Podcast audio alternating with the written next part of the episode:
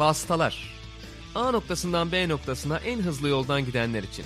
Malisel Işık, Barkın Kızıl ve konukları motor sporları gündemini değerlendiriyor.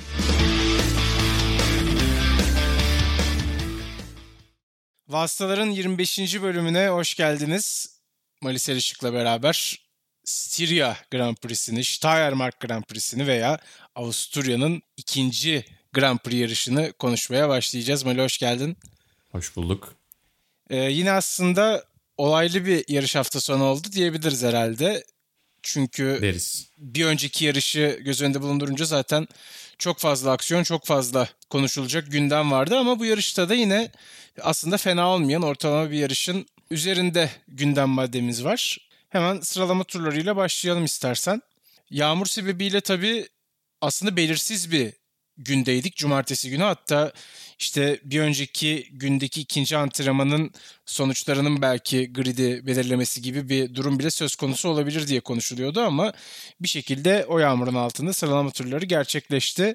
Sen bekliyor muydun sıralamanın başlamasını yoksa işte yapılmaz belki de pazar sabahına kalır diye mi düşünüyordun? Ya ben birazcık totem yaptım. Biraz da beklemiyordum açıkçası. Yani yalan olur zaten bu. Ertesi gün pazar günü yapılır sıralama turu diye düşünüyordum. Biraz şaşırdım ben sıralama turlarının başlamasına. Çok da iyi bir aralığa oturttular aslında. 15 dakika daha erteleyip sonra başlatsalar belki yine yağmura yakalanacaklardı ve yarıda kalacaktı yani. E, o açıdan güzel oldu. Ve söylediğin gibi cuma antrenmanlarında antrenmanların son bölümünde bu sıralama turları yani bu gridi oluşturacak sonuçlar olabilir diye herkes ciddi anlamda e, can hıraş bir şekilde piste çıktı. Tur atmaya başladı. Yani bir cuma antrenmanında görmeyeceğin kadar garip bir durum vardı aslına bakarsan. Hatta Pierre Gasly'nin takıma çok kızdığı bir tersiz mesajı vardı. Eğer bu sıralama sayılacaksa maksimize etmiyoruz performansımızı diye söylenmişti. Evet mesela işte yani ne kadar değişken ve e, ne kadar o değişime hazır olduklarını da gösteriyor Formula 1 takımlarının. Yani her ne kadar çoğu şey için eleştiriyor olsak da strateji anlamında takımları o değişkene hemen kendilerini hazırlayıp sıralama seansı yani aslında bütün hazırlığı bir gün erkene çektiler e, o son seansta. Daha doğrusu antrenman seansının son bölümünde. Ya dedim ki ben şaşırdım açıkçası. Pazar sabahına bırakılacak gibi düşünüyordum. Zaten acayip bir sezon geçiriyoruz. Üstüne tuz biber olacak böyle bir değişik bir sıralama günüyle birlikte. Pazar günü çok sıkışacak diye bekliyordum. Ha iyi de oldu çünkü pazar günkü diğer destek yarışları vesaire pazar günkü karışık programı, sıkışık programı bir parça en azından rahatlatmış oldular. Oraya bir de F1 sıralama turu giriyor olsaydı e, çok daha karmaşık olacaktı bence. Aslında sıralama turlarında daha keyifli bir hale getirdi diyebiliriz herhalde Yağmur için. Yavaş başlayıp gittikçe hızlanan turlar ve herkesten sırayla hızlanan turlar geldiği için sürekli olarak listenin üstündeki isimler değişti, değişti, değişti o şekilde devam etti. Bu anlamda da biraz aslında bence e, heyecan katsayısı yükseldi Yağmur'la beraber. E tabi Yağmur her zaman beklenmediği getiriyor. Yani çok orijinal bir yorum yapmıyorum şu an ben bunu söylerken ama bir taraftan pist üzerindeki yarış çizgisi kuruyor. Bir taraftan o lastikleri ne olursa olsun yağmur lastiklerini belli bir ısının altında tutman da gerekebiliyor. O yüzden yarış çizgisinden zaten uzak kalıyorsun yağmur çizgisi farklı olduğu için ama yağmurdaki yarış çizgisinden de uzaklaşman gereken noktalar oluyor. Onun dışında son seansın son bölümüne Q3'ün son bölümüne doğru tekrardan yağmur başladı ama ona rağmen hızlanmaya devam ettiler. Çünkü söylediğim sebeplerden dolayı yol tutuş yine de artmaya devam ediyordu. Sürprize açık tabii ki Yağmur her zaman. Hataya daha fazla açık. Ee, bir taraftan sezonun getirdiği bir gariplik var, bir gerginlik varken üzerine bir de Yağmur herkesin tabii ki hesaplarını karıştırdı. Çok da eğlenceli oldu yani. O her an birisini duvarda görebiliriz veya her an birisi hata yapabilir. O sarı bayrakla birlikte arkadaki herkesin turu çöp olabilir ya da kırmızı bayrakla birlikte son tura işini bırakmış olanların problem yaşayabileceği bir sıralama turu olması o izleyenlerin gerginlik katsayısını bence arttırıyor. Ben daha heyecanlı izliyorum yani. Tabii yağmur dediğimiz zaman Lewis Hamilton'dan bahsetmemiz lazım. Zaten burada da çok net bir şekilde pole pozisyonunu aldı. Son 12 yağmurlu sıralama turunun 8'inde pole pozisyonu alırken galiba son 4 yarışında da tamamını yani yağmurlu sıralama turlarının tamamında pole pozisyonunu almış. Yanlış hatırlamıyorsam. Bunlara da bir yenisini eklemiş oldu. Tabii son bölümde Max Verstappen aslında o polü elinden alabilmek için Hamilton'ın çok zorladı ve bir yarım spin attı. Neredeyse araca da hasar veriyordu ama biraz da ucuz atlattı diyebiliriz herhalde. Yani o kadar garip bir son turlar vardı ki aslında herkesin son hakları çok garipti. Yani Hamilton'ın turu bence o açıdan ciddi anlamda yanıltıcı, kusursuza yakın ve yani hem araca hem pistte hem aracın tutunmasına o kadar fazla güveniyor ki yani o tereddütü görmüyorsun. Sıfır tereddütle bir tur atıyor neredeyse. Çok acayipti bence. Yani Max Verstappen yağmurda, ıslak zeminde gerçekten kendine has bir yeteneğe sahip. Hissiyatı çok başka bir noktada belki ama o bile hata yapabildi. İşte önündeki Fettel'e kendini endeksledi galiba son iki virajda. O hatayı da o yüzden yaptı. Ama yine de zaten e, Lewis Hamilton'a kimse yaklaşamadı. Acayip de bir farklı pol pozisyonunu aldı. İlerleyen zamanlarda hatırlayacağımız turlardan bir tanesi oldu bence. Tabii Valtteri Bottas'ın da bir teknik problem yaşadığını da söyleyelim. Ee, en azından aradaki farkı biraz daha rasyonize edebilmek için ama Hamilton'ın turu gerçekten çok ama çok iyiydi. Tabii sıralamanın bir diğer yıldızı bence Hamilton'la beraber George Russell'dı kesinlikle. Williams'a yıllar sonra bir Q2 getirdi. Neredeyse Q3'e de gidiyordu Russell. Yani ucu ucuna dediğin gibi neredeyse Q3'e de gidecekti. Ya buraya gelmesi bile çok acayip zaten. Yani 15. sıranın yukarısı Williams için çok ekstra zaten. Yani George Russell'ın ne kadar yetenekli, elindeki malzemeyi ne kadar iyi kullanan adam olduğunu gösteren bir şey bence. Yani ne kadar iyi bir pilot olduğunu gösteriyor. Ama tabii ki yani bu performanslar ne kadar daha sürecek? Yani kötü araçtan iyi sonuç çıkarabilme çabası e, ne kadar daha onu tatmin edecek bilmiyorum. Bir noktadan sonra herhalde sabırsızlanmaya başlayacaktır. Çok iyi bir turdu. Bir taraftan diğerlerinin hatalarını da değerlendirdi. Leclerc'in cezası ile birlikte de Ferrari'lerin arasına girmiş oldu aslında.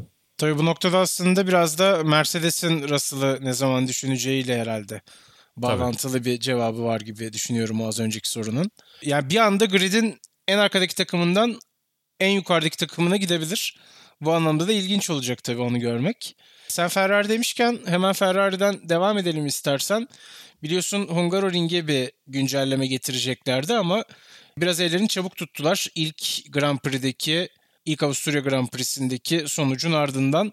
Ancak bu güncelleme hiçbir işe yaramamış gibi gözüktü ya da gerçekten hiçbir işe yaramadı. Yani sonuçlara baktığımızda çok belli. Bence bir işe yaramış gibi görünmüyor. Tamam sıralama turu farklı şartlar altındaydı. E yarışta hiçbir şey göremedik zaten. Yani ciddi anlamda da bir veriyi ellerinin tersleriyle itmiş oldular. Onu birazdan konuşacağız zaten ama ya bilmiyorum çok farklı bir şey olsaydı yani araç biraz daha anlaşılabilir noktada olsaydı araç biraz daha kontrol edilebilir bir noktada olsaydı zaten sıralama turlarında da iyi bir performans en azından yani geçen haftaya göre elle tutulur bir performans gösterebilirlerdi. Olay tamamen Yağmur'un suçu bu hafta Ferrari toparlayabilirdi diyemiyorum ben. E, antrenmanlarda çünkü iki hafta üst üste benzer dereceler vardı. Sıralama turlarında ve o derecelerin yanına bile yaklaşamadılar. Demek ki değişken şartlara uyum sağlayabilen bir araç değil yani. Bir pistin sıcaklığı birazcık oynasa, birazcık tutuş değişse geride kalıyorlar. Yağmur çok ekstremdi tabii ki. Yani Ferrari'nin güncellemeleri işe yarayacak olsa bile Yağmur onları geride bırakabilirdi. Ama bence ona da hazırlanmak zorundalar. En azından ekstrem durumlara, sıra dışı senaryolara da kendilerini hazırlayabilecek kadar bir alan yaratmaları gerekiyor. Çünkü zaten ters ayaktalar. O yüzden yani ciddi problemleri var ve sezon sonuna kadar e, çözmeye çalışacaklar. 2021'de ne olacak? Yani o kadar çok soru işareti var ki çok garip bir durumdalar. Yani değişen tek şey Vettel'in 10. olup Q3'e gitmesi, Leclerc'in 11. en hızlı dereceyi kaydedip son qualify'a gidememesi, sıralamaya gidememesi oldu aslında. Evet yani roller değişti sadece. Böylece herhalde sıralamaları kapatabiliriz. Yarışa geçelim. Neyse ki yarışta yağmur durmuştu ya da bilmiyorum niye neyse ki dedim. Çünkü yağmurlu yarışlarda tabii her zaman çok enteresan mücadeleler izletebiliyor bize. Hemen ortalık batıyor diye sanki. Geçen yılki Almanya Grand Prix'si tabii ilk başta akla geliyor en yakın tarihli yarış olarak. Ama aslında şunu da söyleyebiliriz bence. Bu yarışta dayanıklılık anlamında takımlar çok büyük yol kat etmişler bu bir haftada. Ne diyorsun buna? Ee, yani şey çok bunu görebileceğimiz kadar elimizde geniş bir veri tabanı var mı bilmiyorum. Şöyle yani yarışı bitirebilen isim evet. sayısı olarak baktığımızda çok daha az kaos içeren bir yarış olduğunu söylemek lazım. Evet yani pürüzleri gidermişler en azından. Yarışın sonuna onları götüremeyecek pürüzleri bir hafta içerisinde birazcık törpüleyebilmişler diyebilirim. Yani birkaç yarış daha görmek gerekiyor. Gerçekten dayanıklık problemleri var mı çıkacak mı? Ortam değiştikten sonra ne olacak? E, şartlar değiştikten sonra ne olacak diye. Ama evet söylediğin gibi geçtiğimiz haftaya kıyasla bazı ufak pürüzler giderilmiş gibi duruyor. Çünkü yani son dönemlerde çok alışık olmadığımız yüzdede bir mekanik arızayla birlikte gridin neredeyse yarısını bırakmıştık yolda. Bu hafta Evet, biraz daha farklı oldu. İlk yarışın bilinmezliği de bunda önemli bir faktör olsa gerek ama Tabii ki pasta ikinci var yarışta yani. beraber bayağı giderildi bu problem. Anladım demek istedim. Doğru katılıyorum. Ee, yine Lewis Hamilton'la başlayalım istersen Mali. Çünkü pole pozisyondan başladığı yarışı hiç arkasına bakmadan kazandı. Burada da senin paylaştığın ilginç bir istatistik vardı. İstersen onu bir kez de burada dile getir. Yani kariyerinin başından beri her sezon yarış kazanıyor. Ya bunu kariyerinin başındaki iyi bir takımda başlayan birisi için söylersek etkileyici olabilir tabii ki. Ama 14 yıla yayılmış bir kariyer. Yani ortalamanın üzerinde uzunlukta bir kariyer aslında ve her sene yarış kazanabilmek gerçekten kolay değil. Yani çok iyi takımlardaydı tabii ki Lewis Hamilton hiçbir zaman kötü bir takımda olmadı. Ama en iyi takımda olmadığı yıllarda bile çok ciddi egemenlikler altında geçen yıllarda bile kendine galibiyet çıkarmış olması. Özellikle 2013 ve 2009 o konuda bence öne çıkıyor. Orada da Macaristan kurtarıyor ikisinde de. Yani 2013'teki tek galibiyeti zaten Macaristan. E, 2009'da da o algıyı kıran Macaristan. E, Önümüzdeki yarış da Macaristan. Artık ne olur Çok tabii fazla Macaristan ama- dedin şu anda üst üste ama. Evet. Üst üste çok fazla demek gerekiyor çünkü 7 kez kazandı bu adam burayı. Burada da bence geçtiğimiz haftayı tamamen unuttu ve sezonu yeniden açmış oldu aslında. Pistte kaldı zaten. Pistin etrafında kaldı. İzin alıp gitmedi. Bu arada ondan da çok kısaca bahsedelim. Bottas izin alıp Monaco'ya gitti. Leclerc çaktırmadan gitmiş. Bir ufak uyarı geldi aslında ama bütün Formula 1'in işleyişini riske atacak hareketleri de çok fazla bence yapmamak gerekiyor tabii ki. Olayın ciddiyetinin farkına daha sonra varacaklardır belki ama e, Hamilton bir taraftan e, pistin etrafında kalışını farklı bir noktaya da çekmiş. Hafta boyunca mekanikerleriyle, mühendisleriyle oturup veri incelemişler ve tamamen lazer keskinliğinde bir odaklanmayla çıktı. Bir de tahmin ediyorduk öyle bir şeyi. Yani bir sonraki yarışta böyle bir şeyle ortaya çıkmasının gerektiğini o da biliyordu. Biz de biliyorduk. Bir yarış daha ilk yarış gibi tökezleseydi Hamilton hemen o yenilmezlik çatlamaya başlıyor. Çok kırılgan bir şey aslında motor Evet ben de onu sporda da. söyleyecektim. Her ne kadar Mugello ve Soçi eklenmiş olsa da yine de beklenenden kısa bir takvim olacak gibi gözüküyor ve Hamilton'ın görünmez bir baskı altında olduğu da herhalde yatsınamazdı. Çünkü ilk yarışta podyum ıskaladı ve Bottas galibiyet aldı. Ve ilk yarışta podyum ıskalaması aslında kendi hatalarıyla olan bir şey. Sıralama turlarında aldığı ceza kendi hatası, iptal edilen turu kendi hatası. Onun dışında Albon'la olan teması %100 kendi hatası dersiniz demezsiniz ama sonuçta o kazanın içerisinde bulunması yine aslında bir hata. Bunların hepsi bir araya geldiğinde ideal bir hafta sonunu geride bırakmamıştı ama oradan ne kadar iyi çıkılabilirse bu hafta sonu o kadar iyi çıktı bence ve onu yapabilmek gerçekten şampiyon mentalitesi gerektiriyor. Yine podyumu tamamlayarak gidelim. Valtteri Bottas ve Max Verstappen podyumda Hamilton'a eşlik ettiler. Tabii Verstappen'in yarışı uzun süre boyunca ikinci sırada götürdükten sonra Mercedes'in aslında biraz da kurguladığı taktikle son turlarda geçiş yaptığını gördük Bottas'la beraber ki ilk hamleyi yaptığında Bottas Verstappen çok iyi kapattı aslında önünü. Çok. Hatta işte kaybettiği sırayı geri aldı. Uzunca bir süredir de böyle bir ikili düello izlememiştik ki yarışın geri kalan bölümünde bundan da daha sert bir düello izledik. Ona da birazdan geleceğiz. Yani Max Verstappen'in bitik lastiklerle gerçekten dışarıdan bakıldığında rahatlıkla tutunmasının azaldığını gördüğünüz arka lastiklerle birlikte Bottas'ın onu geçişini bir tur geciktirmesi bence çok büyük bir işti. Ya bu kadar kolay olmalı mı olmamalı mı kısmını genellikle hep tartışıyoruz zaten. İşte DRS avantajı üstüne lastikler arasında çok ciddi farklar olabiliyor ama bir de şöyle bir durum vardı. Mercedes son turda yetişmeyi planlıyordu aslında Max Evet. Verstappen'e. O süreci daha erkene çekebilmiş olmaları da onlar adına avantaj öyle bir esneklik sağlamışlar stratejide. Yani lider gittikleri veya avantajın onlarda olduğu yarışlarda zaten Mercedes yenilmeze çok yakın. Ters ayakta kaldıklarında problem yaşayabiliyorlar bazen. O da alışkanlık olmadığı için belki de işte o başarının getirdiği saçmalıklardan bir tanesi yani. yani zirveye çok alışınca onun dışında kaldığınızda bazen sudan çıkmış balığa dönebiliyorsunuz. Geçen sene Almanya yarışı öyleydi. Ama burada kontrol onlardaydı zaten. E kontrol onlarda olunca tercihi kendileri yaptılar. O yüzden de istedikleri senaryoyu ortaya koyabildiler. Ha bir de şöyle bir durum var. Beklenenin dışında yarışın tamamını etki eden bir şey olmadı. Yani işte geçtiğimiz yarıştaki o güvenlik araçları, şunlar bunlar falan derken ortalık daha karışıktı aslında. E, farklı strateji deneyenler güvenlik aracı arkasında ki işte Red Bull'larla birlikte Alex Albon'un ciddi bir tehdit oluşturması da o yüzdendi. Bu yarış o anlamda daha tahmin edilebilir geçti. Aksiyonsuz değildi ama daha tahmin edilebilirdi. Dediğim gibi tahmin edilebilir yarışlarda da Mercedes zaten o senaryoyu kafalarında oynamış oluyor. Bottas'ı da güzel bir şekilde kontrol ettiler. çok ideal bir yarış oldu. Mercedes için müthiş bir yarış oldu zaten. Aslında bu noktada bence Botta da biraz hakkını teslim etmek lazım. Ee, sakin kaldı. Yumuşak lastikle çok uzun süre pistte kaldı bunun yanında. Sadece sakin kalmak da yetmiyor çünkü. Ve yine ikinci sırayı alarak şampiyonadaki liderliğini korudu iki yarışın ardından. Evet. O da herhalde bu sene mümkün olduğunca artık Hamilton'ı zorlamak isteyecek. Bu sene o sene gibi gözüküyor Bottas için. Ama tabii sonunda ne olur? Bunu kestirmek çok kolay değil. Hala Hamilton'ın çok daha avantajlı olduğunu tabii ki söylemek mümkün aslında. Takım Hamilton'ın takımı sonuçta. Evet aynen öyle. Tam oradan aslında bir şeye bağlayacaktım. Max Verstappen'in de Albon'a çok net bir üstünlüğü vardı bu yarışta. Doğru. Ya bu yarışta özellikle fark edilebiliyordu tempo açısından, yarışa hazırlık açısından, yarış içerisindeki performans açısından. Ama Alex Albon'un geçtiğimiz hafta üzerine bu hafta yine aynı yerde yarışılıyor olması, benzer senaryolar içerisinde kalmış olması bence biraz psikolojik olarak da etkiledi. Bir de Yani Fetel dedikoduları var. Belki olması- onunla da alakalı olabilir. Evet. Evet olabilir. evet öyle bir şey de var. Öyle, o tarz dedikodular da var. Yani ne kadar mantıklı olur olmaz onu oturup tartışabiliriz zaten ama biraz daha belki somut bir şeyler çıktığında ayrıca yer veririz. E, bunların hepsi biraz kafasında meşgul ediyordu diye düşünüyorum. Çünkü daha hızlı olabilirdi Albon. E, Verstappen bir de geçtiğimiz yarışta hızını gösterebilecek bir fırsat bulamadı bir taraftan. Bunların hepsi bir araya geldiğinde bugünkü fark oluştu aslında.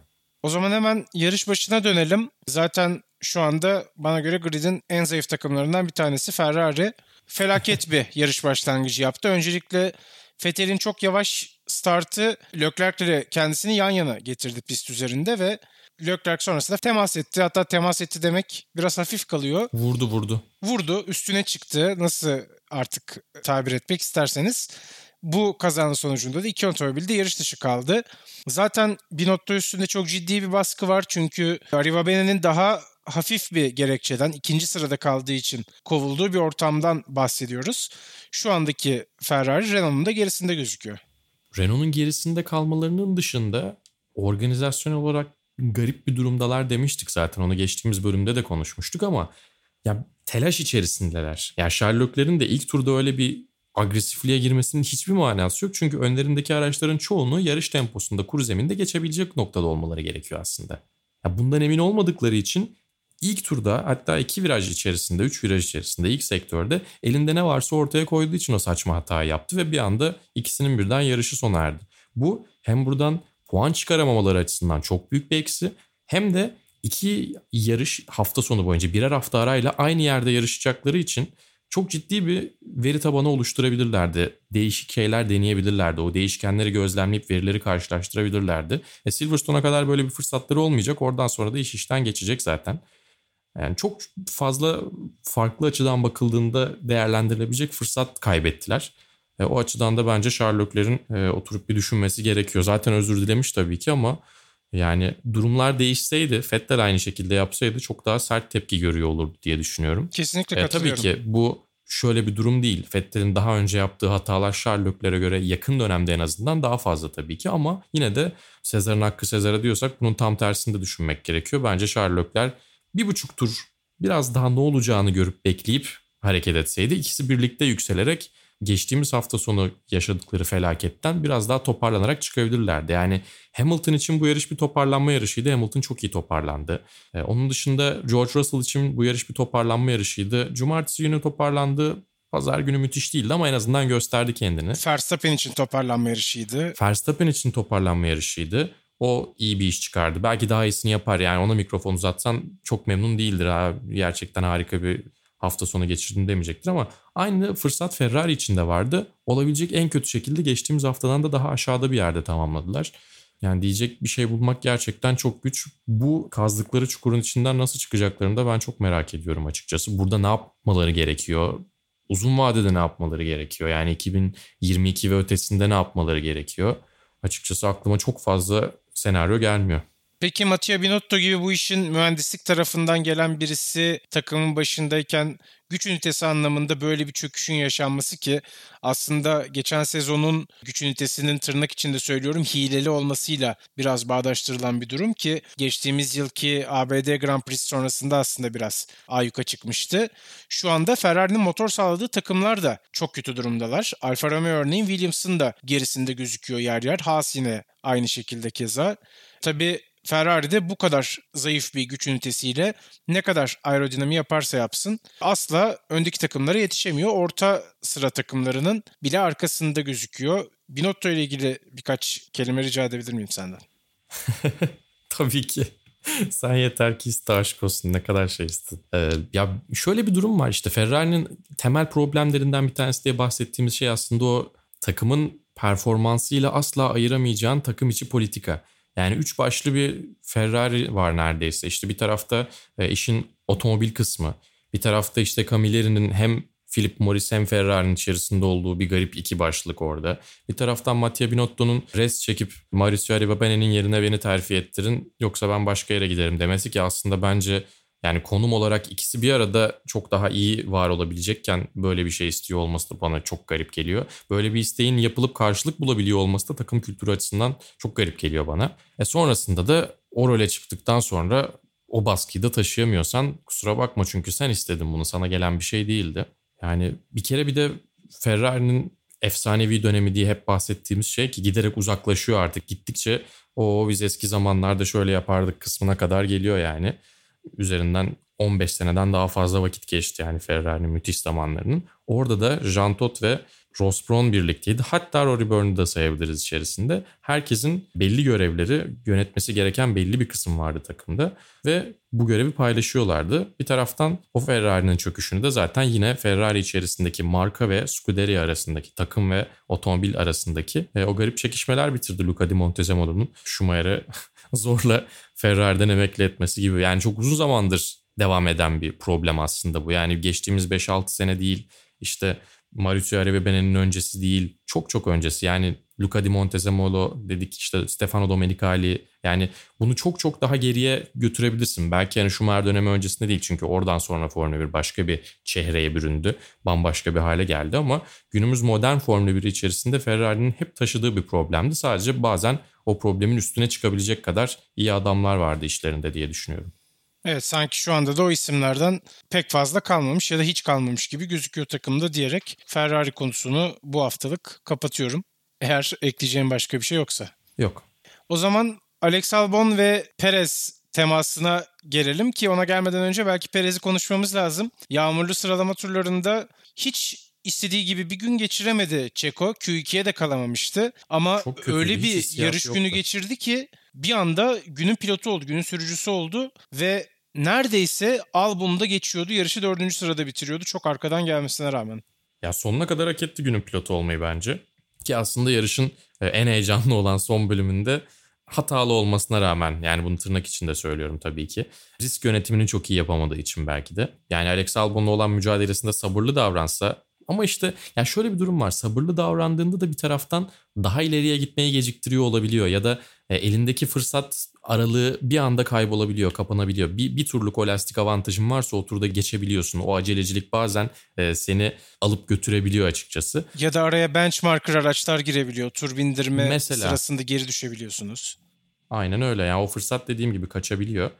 Ee, yine de daha iyi yönetebilirdi bence. Albon'a çok çok rahat yaklaştı çünkü bizim beklediğimizden çok daha hızlı bir şekilde yaklaştı. Alex Albon'la olan temas sonrasında ön kanadı kırdı. İçeriye takımın tavsiyesine rağmen gelmemesi müthiş bir inisiyatifti bence. Çünkü yani düzlükte katlanıp aracın altına girebilir o ön kanat. Bütün puanları bir anda kaldırıp çöpe atabilirdi. Ama ucu ucuna kurtarabileceğini fark etti demek ki ve bu riski aldı. O risk sayesinde de belki birkaç metre farklı iki sıra daha kaybetmekten kendini kurtardı. Yani kırık ön kanatla birlikte tur atmak çok acayip bir şeydi bence ve ona rağmen sadece bir sıra kaybetti.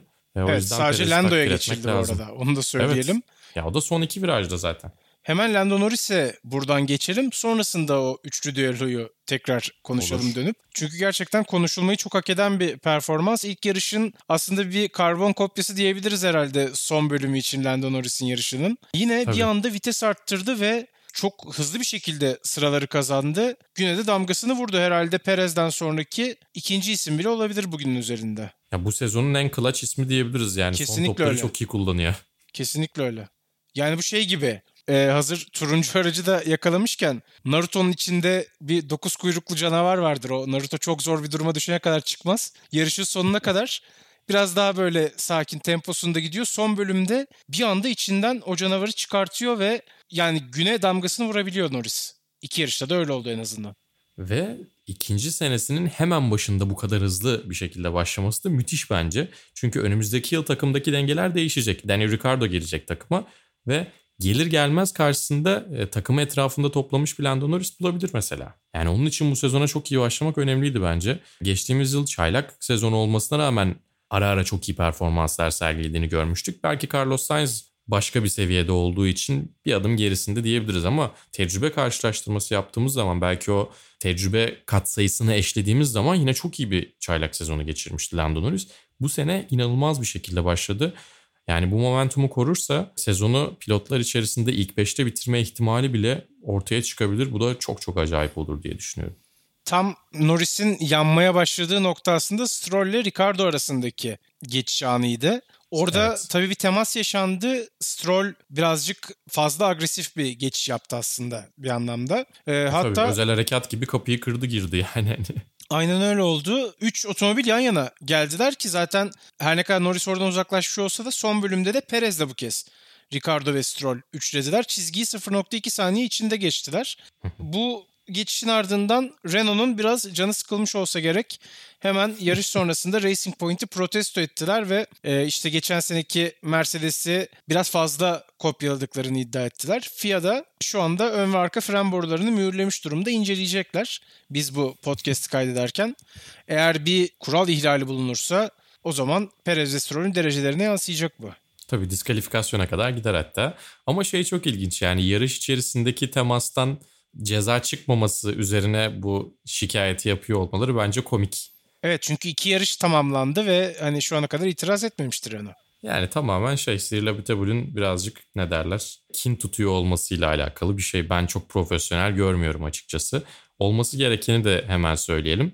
E, madem seni direkt olarak ilgilendirebileceğini düşündüğüm bir şeyse bu. Tıpkı Red Bull'un DAS sisteminde yaptığı gibi senenin başında yaparsın bunu. Takımların da rakibin olan takımın da başını senenin başında ağrıtırsın. E, böylece o baskıyı da kurmuş olursun. Hemen siz onu yaptınız biz de bunu yapalım gibi misilleme usulü bir şikayet bence olmaz. Komik yani. Bunu daha önceden yapmaları gerekiyordu. Bunu bir sorumluluk olarak hissedip daha önceden yapmaları gerekiyordu. E, şimdi mi akıllarına geldi açıkçası yani ben biraz komik buldum. Evet katılıyorum. Yarışla ilgili son bir not daha verelim. George Russell aslında hatayı yapana kadar ki orada tam olarak ne olduğunu ben göremedim. Belki sen daha hakim olabilirsin. Yarışı orta sıralarda götürmeye devam etti. Belki de bu yarışta hani çok fazla olay olmadı. Puan alması zor olabilirdi ama yine de Williams'ın beklentisinin çok ötesinde de yarışı bitirebilirdi gibi. Ee, anladığım kadarıyla şöyle olmuş. Starttaki Ferrari'lerin kazasıyla birlikte Sebastian Vettel darbenin etkisiyle birlikte, darbeyle birlikte Kevin Magnussen'ı da çarptı. Kevin Magnussen'a çarpınca onun sağ taraftaki aynası da düşmüş. Dolayısıyla e, orada dışarıdan yaklaşmaya çalışan e, ikinci sektörde, üçüncü sektöre girerken yaklaşmaya çalışan Russell'ı çok fazla görmemiş. Boşluk bırakmaya çalışmış ama oraya aracını George Russell sığdıramamış. Benim anladığım gördüğüm kadarıyla tabii ki. Yani yine çok detaylı incelemedim aslında. Dolayısıyla da dışarıya taştı. Ha ne olurdu? Williams'ın yarış temposu ne olursa olsun George Russell'a rağmen çok iyi değil. Azalarak bir yerlerde bitirdi. Yine şu anda bitirdiğinden çok farklı bir yerde bitirir miydi emin değilim. E ama tabii ki daha spektaküler bir şekilde geriye düşmüş oldu açıkçası. Biraz da üzüldük. Ben de tam iyi gidiyor diye düşünürken, sevinirken hazır fantasy takımına da George Russell'ı almışken biraz üzüldüm açıkçası. En azından ne kadar iyi savunma yapabileceğini görürdük. Biraz daha e, George Russell izleme şansımız olabilirdi. Ama bunlardan da ders çıkarması gerekiyor. Çok alışık olduğu bir noktada değildi aslında George Russell. Yani geçen sene çok fırsatını yakalamadığı şeylerdi diğer araçlarla bu kadar mücadele etmek. O yüzden aslında öğrenmesi gereken şeylerden bir tanesi. Alıştıkça gördükçe öğrenecek buraları. Bir de sanki bu sezonun sonuna kadar daha bu tarz fırsatlar eline geçecek gibi gözüküyor. Şu anki gridin durumunu göz önünde bulundurursak diyelim ve yarışı noktalayalım istersen. Tabii bu hafta sonunun bir diğer yarışı bizim için önemli yarışı diyelim. Porsche Super Cup'tı. Ee, orada da yine yağmur damga vurdu. Cumartesi günü sıralamalar yapılamadı ve pazar sabahına kaldı Mali.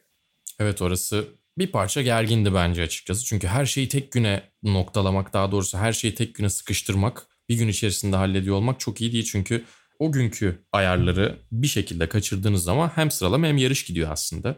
O açıdan bence üzerinde bir baskı vardı Ayhan Can'ın. Geçtiğimiz hafta tabii ki idealden çok uzak bir hafta sonu geçirdi. Moralini bozabilecek farklı farklı şeyler vardı. Yani sadece e, istediği hızı bulamaması değil üzerine aldığı ceza ki ben yine ne kadar objektif bakmaya çalışsam da cezanın çok saçma olduğunu düşünüyorum. Onların dışında yine aslında biraz kendini affettirme ya da herkesin e, tekrar iyi noktaya oturma yarışı diye bahsediyoruz ya kendini toparlama yarışı diye bahsediyoruz. Ayancan için de aynı senaryo vardı ve olabilecek en iyi yarışlardan bir tanesini çıkardı bence.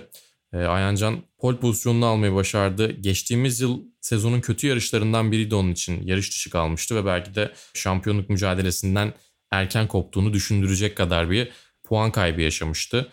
Onun dışında çok sevdiği bir pistte değil zaten. Ve buna rağmen çıkıp pol pozisyonunu alması bence inanılmaz bir iş. Dilim Pereira çok hızlıydı. Onlar daha iyi ayar yapan ekip oldular aslında. Dilim Pereira'yı da tabii ki sadece ayar yaptı, iyi gittiler diye söylemiyorum. Çok yetenekli adamlardan bir tanesi ve bu sezonun e, en büyük şampiyonluk adaylarından biri tabii ki. Ayancan'ın en büyük rakibi diyelim. E, ama yarışı ikinci sırada bitirmesi de bence gayet iyiydi. Buradan en azından yükselerek, hızlanarak ayrılmış olacak. E, Macaristan'da ne, ne yapacağını göreceğiz tabii ki ve ardından Ayancan için sezonun en ellerini ovuşturarak beklediği kısmı gelecek. İki Silverstone yarışı arka arkaya Ağustos'taki ilk iki haftada. Yani onu onu göreceğiz açıkçası ama ben geçtiğimiz haftanın üstüne bu yarıştaki bugünkü performansından çok memnunum ve mental olarak da kendini toparlayıp böyle bir performans ortaya koymuş olması beni sevindirdi. Sen ne söyleyeceksin yarışı anlatan isim olarak? Açıkçası şöyle Dylan Pereira çok iyi başladı gerçekten. Yani temposu kalkışla beraber kendini belli etti ki çok erken bir geçiş yapmayı başardı zaten. Ayhancan'ı çabuk geçti yarışın başında. Belki bu biraz Ayhancan'ın faydasına bile olmuş olabilir. Çünkü peşindeki Dylan Pereira'yı çok fazla düşünmek zorunda kalmadı böylece ve arkasındaki isimleri daha rahat bir şekilde arkasında tuttu. Çok garip bir cümle oldu bu ama öyle oldu aslında. Yani Dilim Pereira'ya gitmeye çalışsa kendini ve lastiklerini fazla zorlayıp arkadakilerin de baskısı altında kalabilirdi galiba söylemeye çalıştım öyle. Evet aynen öyle. Hatta işte otomobilde biraz önden kayma olduğundan bahsediyordu Ayhancan biliyorsun. Bu şartlarda çok çok iyi bir sonuç olduğunu da söyleyebiliriz. Yine de işte arkasında Larry Tenford vardı. Onu takip eden isimler arasında ilk yarışın galibi Jackson Evans vardı. Çok önemli isimler var ne olursa olsun ve hepsini arkasında tutmayı başardı Ayhancan. İkinci sırayı aldı. Tabii sezona bakıldığı zaman ikincilik çok iyi bir sonuç ne olursa olsun. Dediğin gibi Silverstone yarışları geliyor ki geçtiğimiz yıl Silverstone'u kazanmayı başardı çaylak yılında. Dolayısıyla beklentimiz orada biraz daha büyük. Belki de iki galibiyet gibi bir beklentimiz var. Herhalde sen de katılacaksındır buna. Hı hı. Süper Cup sezonu daha yeni başlıyor diyebiliriz yani bu yarışın ardından. Tabii. Bir de sana şeyi sormak istiyorum. Yarış öncesi Eurosport'taki paket programlardan bir tanesinde e, yine sen seslendiriyordun. Sasha Maassen çok güzel şeyler söylemiş e, Porsche Junior sürücü koçu. Ayhan evet Can'la şöyle ilgili. oldu. Genel resme baktığımızda ondan da bahsedelim isterim ben. Jackson Evans ve Ayhancan Güven tabii ki bu yılın iki Porsche Junior'ı. Onları şöyle bir ufak kıyaslamış. Onlarla çalışmanın nasıl olduğundan bahsetmiş Masen. Ee, Ayhancan'la ilgili daha duygusal, daha açık konuşmayı daha çok seven, işte geri bildirim vermesi daha üst düzey olan bir isim olarak bahsediyor. Daha açık yürekli bir isim olarak bahsediyor Ayhancan'dan. Jackson Evans ise biraz daha duygularını belli etmeyen, daha içine kapanık bir çalışma arkadaşı Masen'e göre. E tabi bu anlamda iki Porsche Junior'ının farklı özelliklere sahip olduğunu söyleyebiliriz ama gerçekten hani Ayhancan'ın bu kişiliğinin bana sorarsan takım tarafından çok büyük kabul gördüğünü düşünüyorum ben. Ben de aynı şekilde düşünüyorum ve hepimiz de gururlandırıyor, sevindiriyor diye düşünüyorum. Bu şekilde bakıyor olmaları ve öyle bir yere koyuyor olmaları Ayhan Can'ı. Evet aynen öyle. Kesinlikle katılıyorum ve katılmakla beraber bu bölümün de sonuna geldik diyelim.